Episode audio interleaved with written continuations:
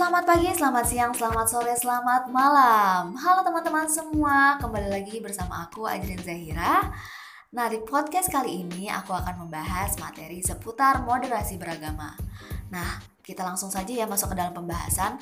Jadi, moderasi beragama adalah sebuah cara pandang terkait proses memahami dan mengamalkan ajaran agama agar dalam melaksanakannya selalu dalam jalur yang moderat. Nah, kata moderat di sini dalam arti tidak berlebih-lebihan atau ekstrim ya teman-teman. Nah, dalam bahasa Inggris sendiri kata moderasi berasal dari kata moderation yang berarti sikap sedang dan sikap tidak berlebih-lebihan. Nah, kata moderasi berasal dari bahasa Latin yaitu moderatio yang berarti kesedangan yakni tidak berlebihan dan kekurangan. Moderasi beragama sendiri adalah adil dan berimbang dalam memandang, menyikapi, dan mempraktikkan semua konsep yang berpasangan. Nah, dalam Kamus Besar Bahasa Indonesia sendiri, kata adil diartikan tidak berat sebelah atau tidak memihak, berpihak kepada kebenaran dan sepatutnya atau tidak sewenang-wenang. Jadi, yang moderasi itu sendiri bukan berarti sikap atau perilaku untuk mengajak atau mengkompromikan sebuah prinsip-prinsip pokok amalan ibadah setiap agama yang sudah menjadi keyakinannya. Namun, moderat adalah sebuah sikap toleran kepada umat agama lain dalam hubungan sebagai manusia.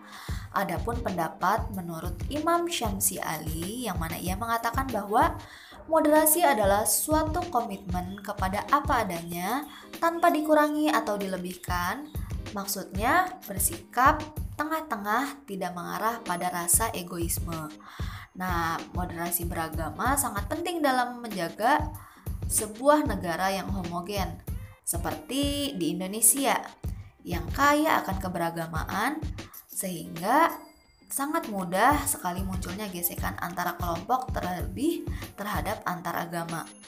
Sehingga perlunya memberikan pemahaman bahwa nilai-nilai bersikap dalam konteks keberagamaan menjadikan kita tidak egoisme, intoleran, diskriminatif, dan sebagainya. Nah, dalam moderasi beragama juga perlu kita bertoleransi dan menjaga kerukunan antar umat beragama. Toleran sendiri bermakna mempunyai karakter atau sifat yang memegang prinsip saling menghargai, membiarkan dan memperbolehkan. Nah, toleransi perlu dipahami dan dipraktikkan sebab dalam toleransi salah satunya bisa menghargai serta menerima keanekaragaman yang berada di Indonesia, budayanya, bahasanya, suku, ras, dan agamanya.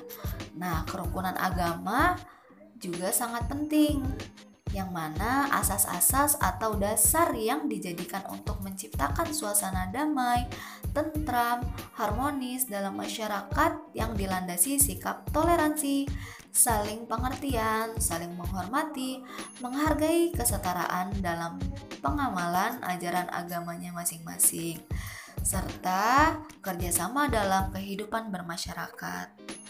Cukup sekian pembahasan terkait moderasi beragama.